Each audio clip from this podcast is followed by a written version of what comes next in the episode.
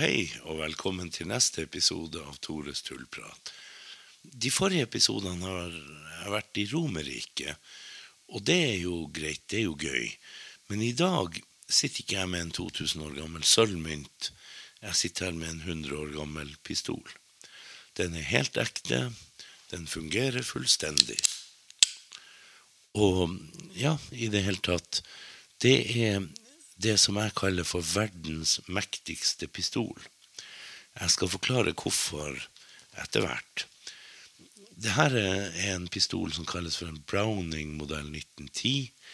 Mitt eksemplar er laga i 1912, og den er veldig spesiell rent historisk.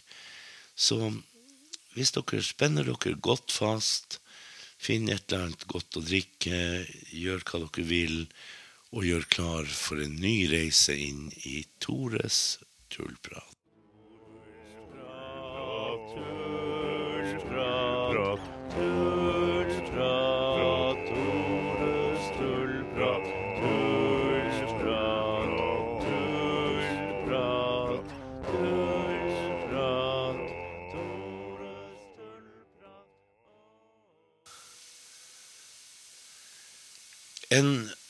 Pistol som blir beskrevet som verdens mektigste. Hvordan da, og hvorfor det? Dette er jo tross alt bare en pistol som har seks skudd i magasinet og effektiv rekkevidde på 20-30 meter. Man skulle ikke tro at noe sånt skulle kunne kalles veldig mektig. Men akkurat denne pistolen, eller den typen, var faktisk ansvarlig for å ta livet av over 15 millioner mennesker.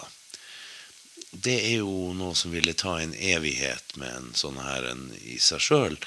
Men poenget er bare å velge riktig mål til riktig tid. Og det var akkurat det som ble gjort med en Browning 1910. Det var den 28. juni 1914 og det skulle bli bokstavelig talt startskuddet for første verdenskrig. Og første verdenskrig ble jo, for å si det mildt, ikke rent lite blodig. Men det er en forhistorie her. Vi kan jo ta den litt først, før vi går inn på den egentlige hendelsen den dagen. Saken er at det gamle og vaklende imperiet det østerriksk-ungarske imperiet, dobbeltmonarkiet, det hadde jo en ambisjon om å ekspandere. Og på slutten av 1800-tallet så annekterte de Bosnia-Hercegovina. Utnytta en mulighet der. Men som alle andre nasjonalstater i verden, så var jo ikke Bosnia-Hercegovina en sånn stat med bare én etnisk gruppe i. Vi har så lett for å tro at en nasjonalstat består av ett folkeslag innenfor egne grenser. Men det er på ingen måte regelen. Det er tvert imot faktisk unntaket. Det er bare å se på nær sagt et hvilket som helst land i Europa, så vil du se at alle har minoriteter fra nabolandene innenfor sine grenser alle. Det er ganske enormt. Det har aldri egentlig eksistert en helt etnisk ren stat. Og det kommer formodentlig heller aldri til å eksistere, sjøl om en del virkelig ønsker det. Det er bare ikke sånn verden faktisk er. Og sånn var det også med Bosnia-Hercegovina der var jo også en, en serbisk minoritet. Og Serbia var jo nabolandet. Det var en del på den tida som var ganske militante og ville ha et Stor-Serbia. Og det var selvfølgelig ikke det østerriksk-ungarske imperiet spesielt glad i, for det Stor-Serbia skulle jo blant annet involvere områder som var i imperiet. Så der var jo, for å si det litt mildt, en ganske klar interessemotsetning. så når det da kom til at erkehertug Frans Ferdinand skulle besøke Sarajevo, hovedstaden i Bosnia-Hercegovina, så var det en del serbiske nasjonalister som så sitt snitt til å gjøre noe. Det har vært debattert i evigheter etterpå. Hørte dem til den, den ytterliggående serbiske svarte hånd? Ble de styrt av serbisk regjering og militær? Det er slettes ikke så sikkert som det kan høres ut, men de fikk uansett hjelp fra personer inn i det serbiske militæret. Derom er det ingen tvil. Og de fikk bl.a. noen pistoler. Og en av de pistolene skulle endre verdenshistorien så det smalt. Det smalt mye, og ofte og lenge, på grunn av den pistolen.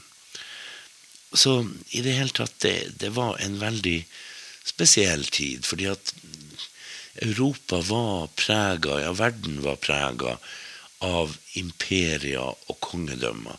Det britiske imperiet var jo det største, og man sa jo at sola aldri går ned over det britiske imperiet. Sant? Altså Et eller annet sted i verden så er sola oppover en del av, av imperiet.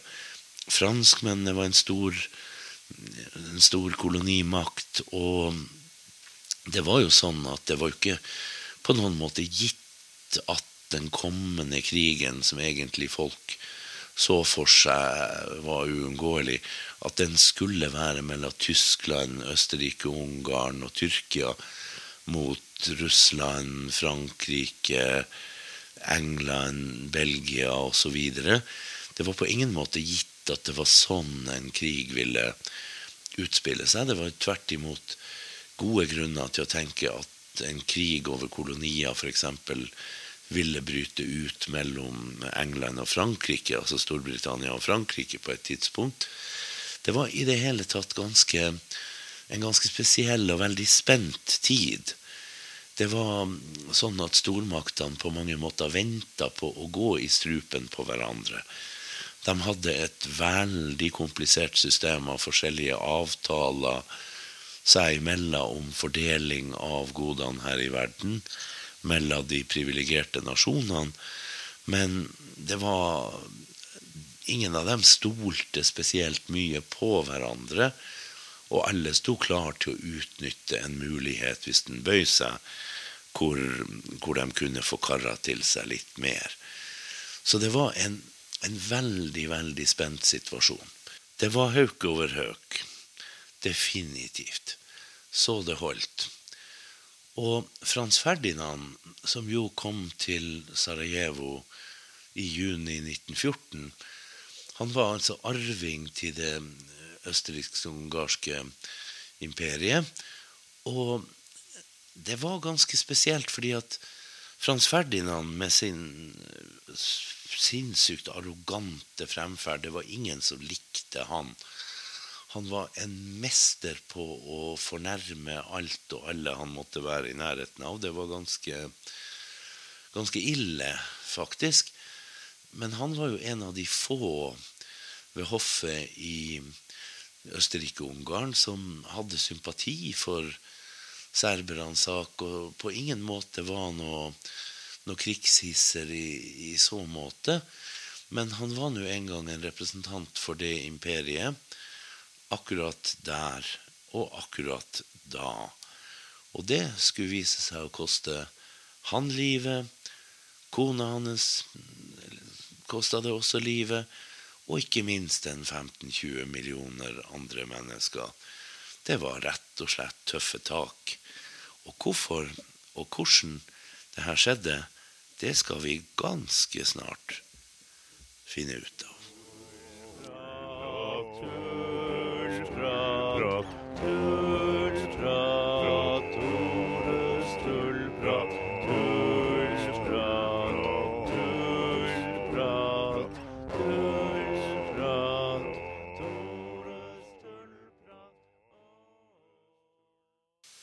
Så konspiratørene hadde altså et møte med en serbisk offiser som hadde med seg tre pistoler til dem.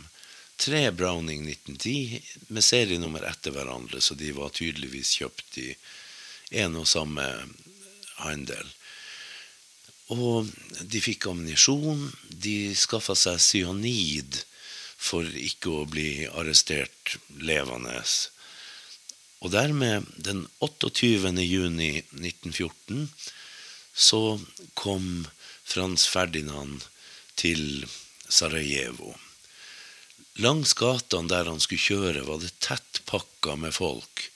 Masse, masse folk, og inniblant dem sto de her tre attentatmennene. Og alle klare til å ofre livet for å få tatt livet av erkehertugen. I alle fall så, så, skulle de vært det, eller mente de var det. For når bilkortesjen kom kjørende, så var det sånn at førstemann han frøys til, og han gjorde ingenting. Han mista sannsynligvis motet, rett og slett. Han skyldte senere på at han ikke kunne få gjort noe. Men det er nå så sin sak. Nestemann, han kasta ei bombe mot bilen til erkehertugen.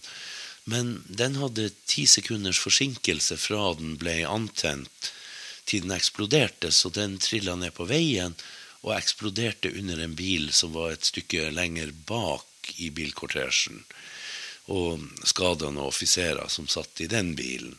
Men da, når det var et attentatforsøk, så svingte jo bilen rett og slett ut av den planlagte ruta og av gårde.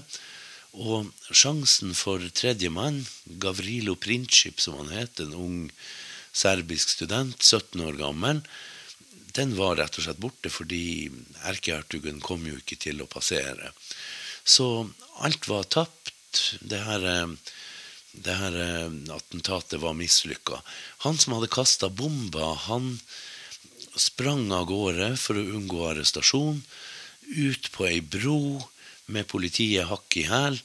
Han fant ut at her slapp han ikke unna, så han hoppa over rekkverket på broa og ut i elva.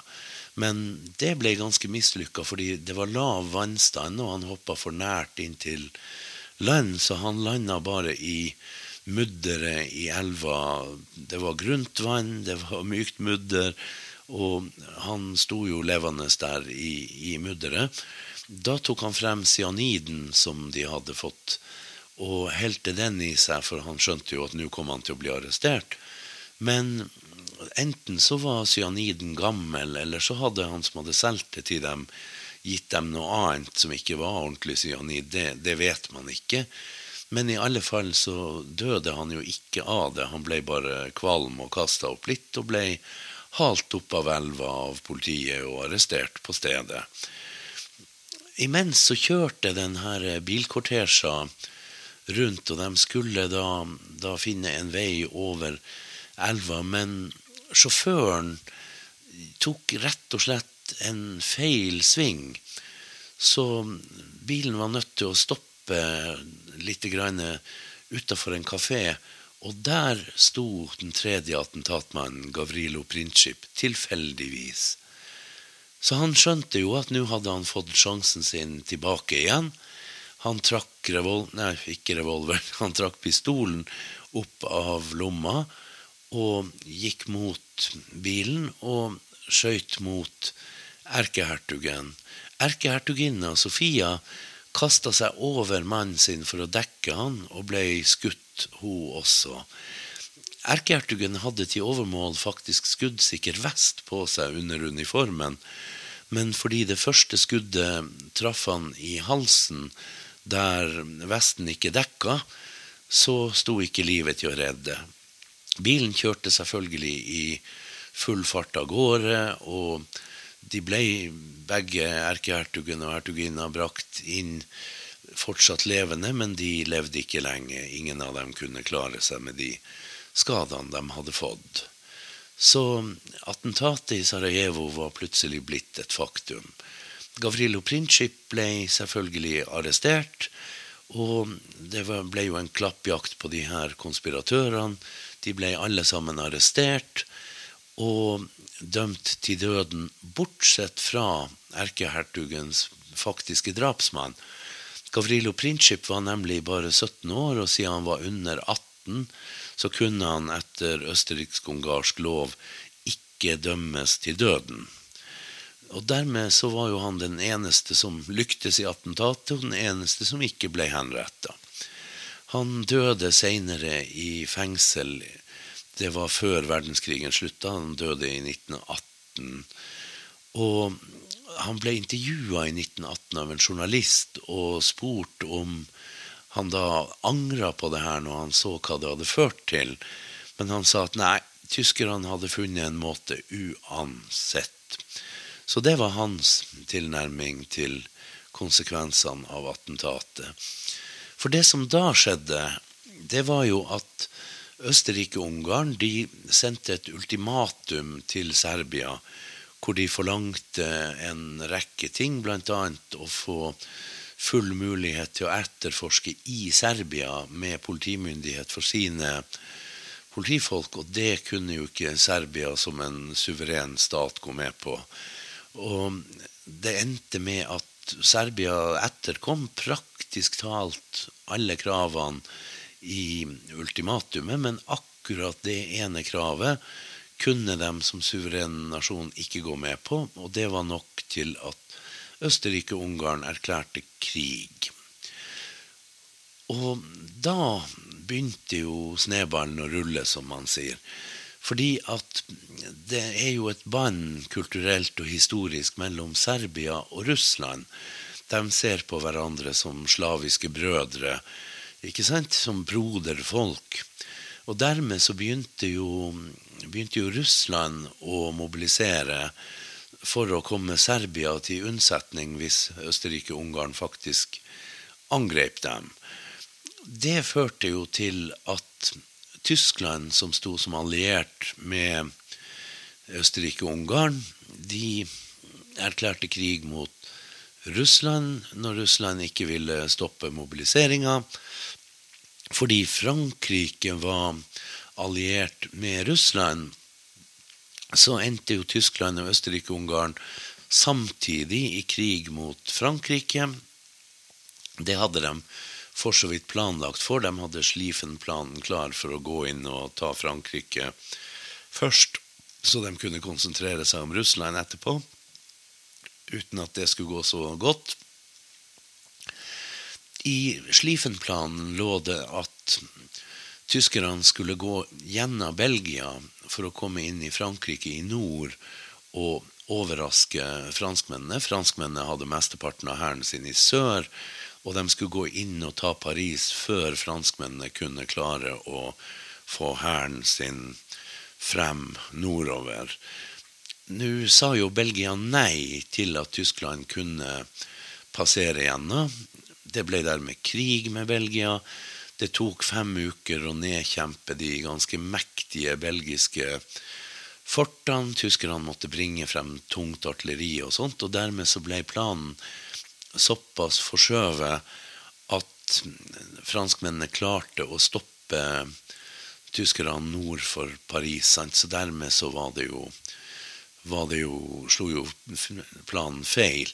Men så hadde man jo det at de som hadde garantert for lille Belgias sikkerhet, det var jo Storbritannia. Så i og med at Belgia havna i krig med Tyskland, så havna jo Tyskland og Østerrike-Ungarn også i krig med britene. I mellomtida hadde jo Tyrkia kommet inn i krigen på tysk og østerriksk-ungarsk side. Og det hele begynte å bli til en regelrett verdenskrig den største konflikten verden hadde sett noensinne, som virkelig, virkelig påvirka alle verdensdeler.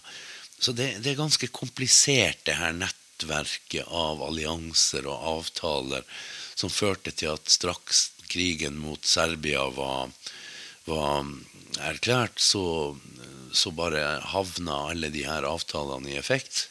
Og den ene etter den andre etter den tredje kom med i krigen, og det kunne bare ikke stoppes når det først hadde begynt å rulle. Så, så det er en, en, komplisert historie, det der. Så skuddene i Sarajevo fikk en voldsom effekt. Som sagt, de her få skuddene tok livet av 15-20 millioner mennesker. Verdenskrigen varte jo helt frem til november 1918. Og mange av følgekonfliktene av den skulle foregå langt utover 20-tallet. Også man kan til og med si at andre verdenskrig på mange måter var en følge av den første. Så egentlig kunne man jo mangedobla det antallet at den pistolen tok livet av både, både 50 og 60 millioner mennesker. I hvert fall. Men, men det er nå jeg sier nå 15-20 millioner og sier at denne pistolen er den absolutt mest mektige pistol i verden. Ikke fordi den har så lang rekkevidde, ikke fordi det er så mye kraft i ammunisjonen, men fordi det rette eller feil målet, så, så, har det ikke noe å si at den ikke er så sterk. Den, den får konsekvenser uansett.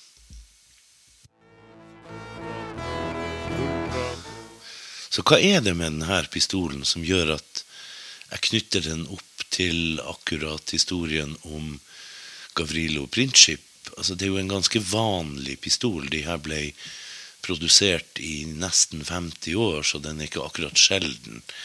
Men den her, det her eksemplaret ble altså laga i 1912, omtrent samtidig med Princip sin pistol, og den ville ha vært på lager samtidig med den. Så med andre ord, det er så nært en samler kommer skuddene i Sarajevo noensinne. Altså, De opprinnelige pistolene som faktisk ble brukt under attentatet, fins jo. Men de kommer jo aldri på samlerhender, for de ligger i museet i Wien. Og der skal de definitivt være, så historisk viktige som de er. Så altså verdens mektigste pistol.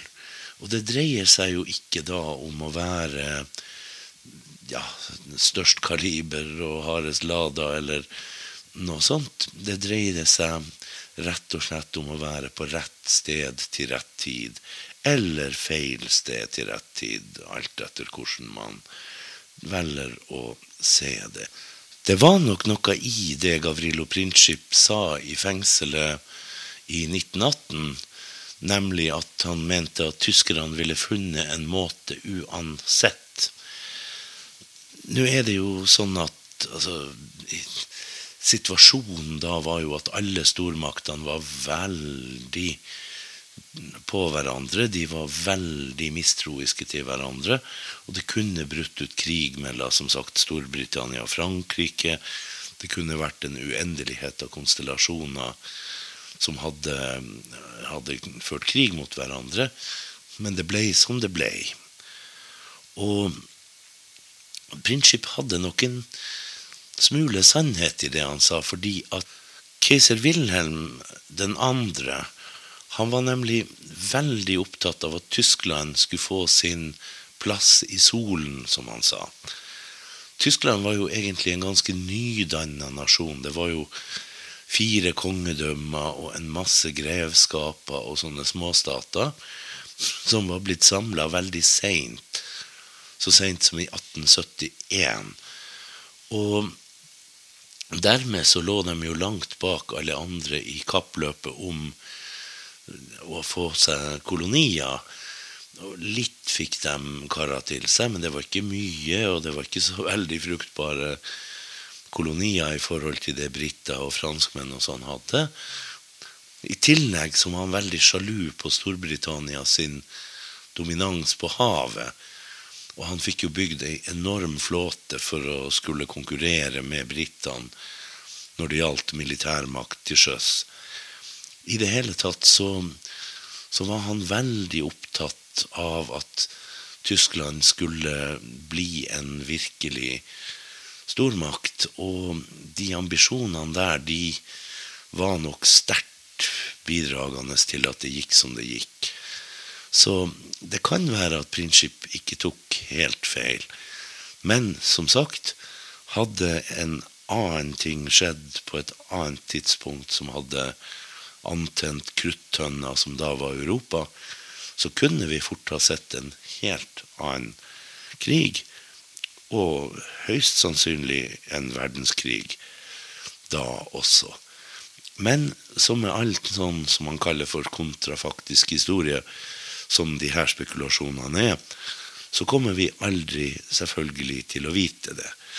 Vi vet at det lå til rette for at det kunne skjedd, men det er jo alltid en 10 000 ting man ikke vet, som kunne ha forhindra det likevel, og alt sånt. Så det eneste vi vet, er det som faktisk skjedde, og det er jo det som er fortalt her. Nemlig at Tyskland, Østerrike, Ungarn, Tyrkia, altså det ottomanske riket, etter hvert Bulgaria og sånn, kom i krig mot Storbritannia, Frankrike, Russland osv.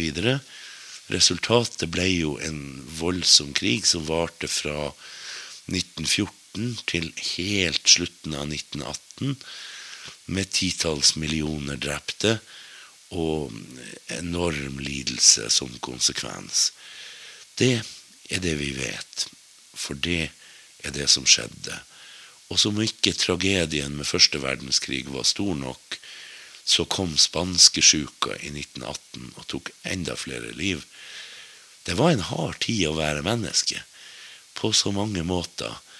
Og i det hele tatt, vi kan kanskje Enda det skjer mye vondt en dag i dag, så er vi kanskje privilegert som lever i dag, og ikke for litt over 100 år sia. Og med det skal jeg avslutte denne episoden, men jeg håper du vil fortsette å høre på, for det kommer mer. Det kommer mye mer i Tores tullprat.